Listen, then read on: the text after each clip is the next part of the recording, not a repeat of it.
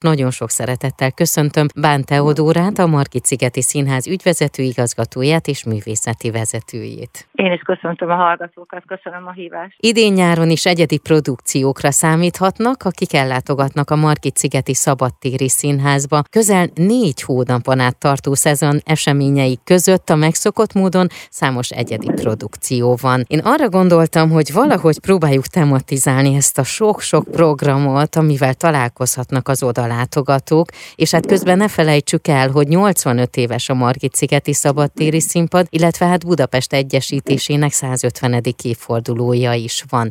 Ehhez valahogyan kapcsolódik-e, vagy ez hogy jelenik meg az idei évadban? Nagyon fontos számunkra, hogy minden évben újra és újra olyan produkciókkal, olyan eseményekkel tudjuk a közönséget megszólítani, ami különleges, és ami máshol talán nem, ami igazából jellemző mondjuk a mi színházunkra. És ami igazán jellemző, így ahogy te is említetted, 85 évesek vagyunk, és valójában amikor 1938-ban elindult, megnyitotta a Margit-szigeti Színház a kapuit, tény, hogy előtte már több évtizeddel, talán kettővel is itt a Margit-szigeten színjátszó kör működött. És valahogy ez is felvetette annak a lehetőségét, és a Magyar Állami Operaház elődje a Királyi Operaház és a Nemzeti Színház, hogy közösen legyen egy olyan nagy játszóhelye, egy nagy igazi játszóhelye a színészeknek, az operéneseknek, a zenészeknek, ahol nagyobb produkciókat is, akár még a közszínházi szezonból érkező nagy operákat, nagy koncerteket, vagy akár, mint ahogy az ember tragédiáját, vagy a János Vitéz színházi előadásokat is fogadhatnak. Akkor is egy fontos feladat volt az, hogy a nemzetközi esítés fontos uh-huh. része legyen, tehát hogy külföldi fellépők, külföldi énekesek, külföldi művészek, karmesterek érkezzenek a színházba, de természetesen akik hozzák magukkal a külföldi nézőket, közönséget is. Tehát magyarul, ami ma is nagyon fontos, hogy a külföldi vendégforgalom, a vendégészakák száma Budapesten növekedjen, hiszen az jó bevételt is hozna. Visszatérve akkor a 85. Igen. évünkre, valójában az elődeink nyomdokán haladunk, és nagyon széles, gazdag az a kínálat, amit mi igyekszünk bemutatni, színre vinni a szezonunkban. Operák, klasszikus, uh-huh. nagyzenei koncertek, természetesen könnyűzenei koncertek, és része az operett is a szezonunknak, és a musicalek is, a balett, a tánc előadások, és természetesen a könnyűzenei koncertek is, de Szombat-vasárnap délelőttönként gyermekelőadásaink uh-huh. láthatóak, ingyenesen vehetnek uh-huh. részt rajta a vendégek, valamint irodalmi sétáink vannak, négy kiállítást is nyitunk minden hónapban egy-egy kiállítással, örvendeztetjük meg a közönségünket. A Margit-szigeti színház.hu weboldalon minden programot megtalálnak. Én amire még kíváncsi vagyok, hogy van-e olyan darab, amely kifejezetten ide készült, itt lesz a bemutatója, itt láthatja először a közönség? Természetesen ilyen darab van. Elmúlt évben mutattuk be egy csodálatos nagy operáját Verdinek az Attila című operát, ami most ismét színre kerül, és számos külföldi sztárvendéget hozunk. Fontos a külföldiek részvétele természetesen a magyar művészek, együttesek mellett, és így érkezik John Rillia, aki magát a Hun királyt alakítja uh-huh. Verdi operájában, és egy, tehát gyönyörű egyrészt az opera zenéje, hiszen nem csak azért, mert Verdié, hanem azért ez egy korai Verdi mű, ami fantasztikus energiákat mozgat meg. Potarász János Madárnak a látványvilágával, Kenta úrnak a díszleteivel, jelmezeivel, a András rendezésében és kiváló énekesekkel természetesen.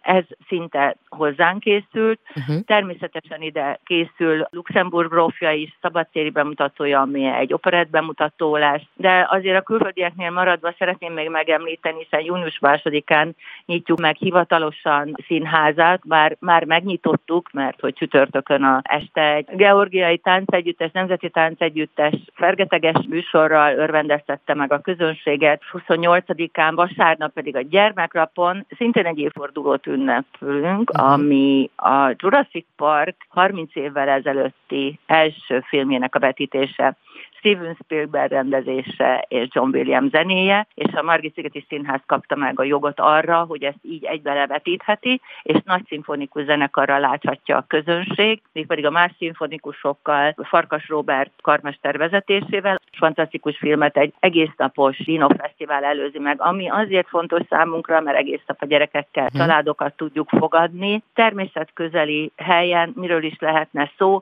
mint hogy bizonyos kicsit tudományosan is a környezetünket megismerjük, a múltunkat, a jelenünket, és vigyázzanak, tanítsuk a gyermekeket uh-huh. arra, hogy hogyan is éljünk, tehát tudatosan hogyan vigyázzunk a környezetünkre, és rengeteg-rengeteg játékkal és sok-sok ajándékkal várjuk majd a gyerekeket. És mint ahogy említettem, június másodikán a Nemzeti Filharmonikusokkal nyitjuk meg egy külföldi vendéggel, Daniel Luzakovicsal, és hogy említetted, hogy 150 éves Budapest, Igen. és a 150 éves Budapestre pedig Doknányi ünnepi nyitjára hangzik majd fel, Csajkovszki 5. szimfóniája mellett többek között, de a Nemzeti Tánc Együttes jön a Nemzeti Összetartozás napján június 4-én, érkezik a Chico and the Gypsy, és ami nagyon fontos, hogy a Színházi Olimpia, 10. Színházi Olimpia, múzeumok éjszakáján június 24-én a nagy záró eseményeit lesz a Margit-szigeti szabadtéri színpadon, színpadi nagy produkcióval, mégpedig Bartók és Ravel művével, ami négykezes, két zongorás, illetve egy zongorás készkezett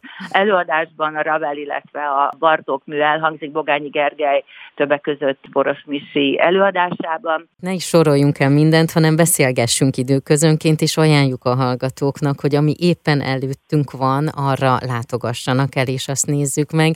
A Margit-szigeti Színház.hu weboldalon láthatják a részletes programokat. És még mielőtt elköszönnénk, azért van még egy évforduló, a 85 éves Margit-szigeti Nemzeti Szabadtéri Színpad mellett, hogy művészeti vezetőként és ügyvezetői igazgatóként ugye már kerek 20 éve vezeti a Margit Szigeti Szabadtéri Színpadot. Azért ez egy óriási dolog, amihez először is szeretnék gratulálni. Köszönöm szépen.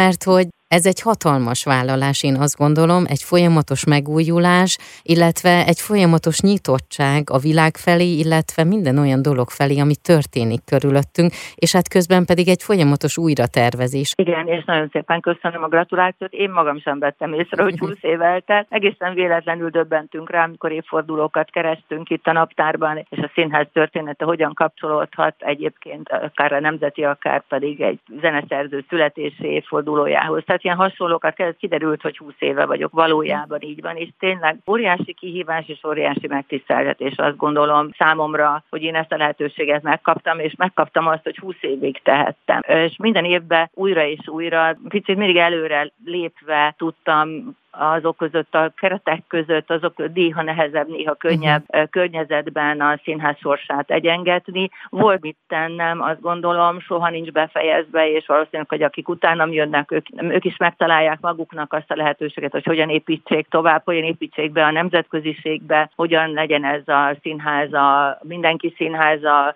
egy színházi élménynek az a része, ami sehol máshol nem ismételhető meg. Tehát tulajdonképpen ezek azok a szlogenek, meg az a, is, nem is küldetés talán, hanem inkább csak egy jó érzés az, hogy az mhm. ember tud tenni valamit, és amit kap, azt tovább tudja adni másoknak, hogy mások is jól érezzék magukat a munkájukban, és örömet tudjunk szerezni a közönségnek. Én nagyon szépen köszönöm, és azt hiszem, sokak nevében mondhatom ezt a munkát, és egyébként ezt a kitartást, meg a rengeteg ötletet, és kívánom, hogy most is, idén, az idei évadban is mindegyik előadás teltház előtt zajlódjon. Nagyon kedves vagy, ennél szebbet nem is kaphatnék.